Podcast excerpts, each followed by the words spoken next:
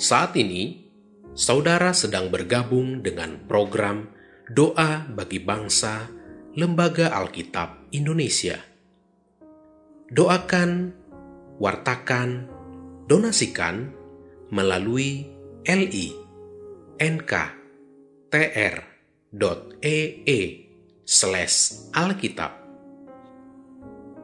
Bapak, Ibu, dan teman-temanku yang terkasih dalam Tuhan, sebelum kita berdoa, terlebih dahulu kita dengarkan satu ayat firman Tuhan yang terambil dari Injil Matius 18 ayat 10. Ingatlah, jangan menganggap rendah seorang dari anak-anak kecil ini karena aku berkata kepadamu, ada malaikat mereka di surga yang selalu memandang wajah Bapakku yang di surga. Marilah kita berdoa bagi bangsa dan negara.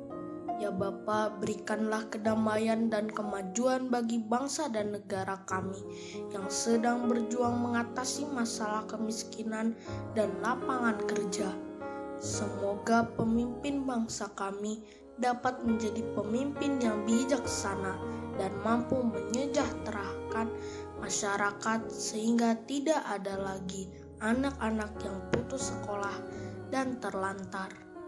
Bagi pemimpin gereja, ya Bapa, berilah pemimpin gereja kami kesehatan jasmani dan rohani yang senantiasa baik Dampingilah mereka supaya dapat memimpin gereja dengan sebaik-baiknya dan menjadi gembalamu untuk membangkitkan yang lesu, mendamaikan segala perselisihan, memperhatikan anak-anakmu sehingga hidup dan bersatu menurut kehendakmu bagi orang tua dan guru.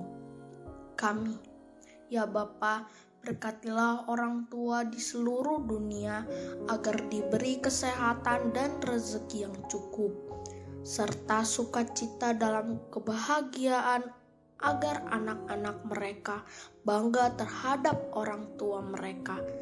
Berkatilah pula orang tua kami agar mampu mendidik anak-anaknya ke arah yang lebih baik dan dapat mengajarkan anak-anak untuk selalu ingat beribadah, memuji, dan memuliakan namamu.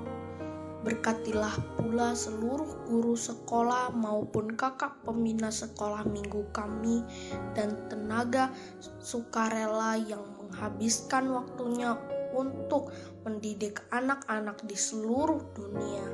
Berkatilah agar sehat selalu dan hidupnya dipenuhi kebahagiaan sebagaimana kebahagia yang mereka berikan kepada anak-anaknya yang menimba ilmu dari mereka bagi anak-anak ber, ya Bapa berkatilah anak-anak di Indonesia dan di dunia agar mereka semakin rajin membaca dan merenungkan firman Tuhan setiap hari dan menjadikannya contoh dalam kehidupan sehari-hari.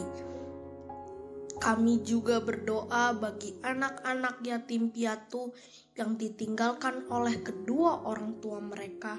Semoga mereka tetap ceria dan semangat dalam hidup. Ulurkanlah kasih sayangmu melalui Lembaga Alkitab Indonesia dan orang di sekitar kami agar mereka dapat membantu anak-anak yang berkekurangan. Amin.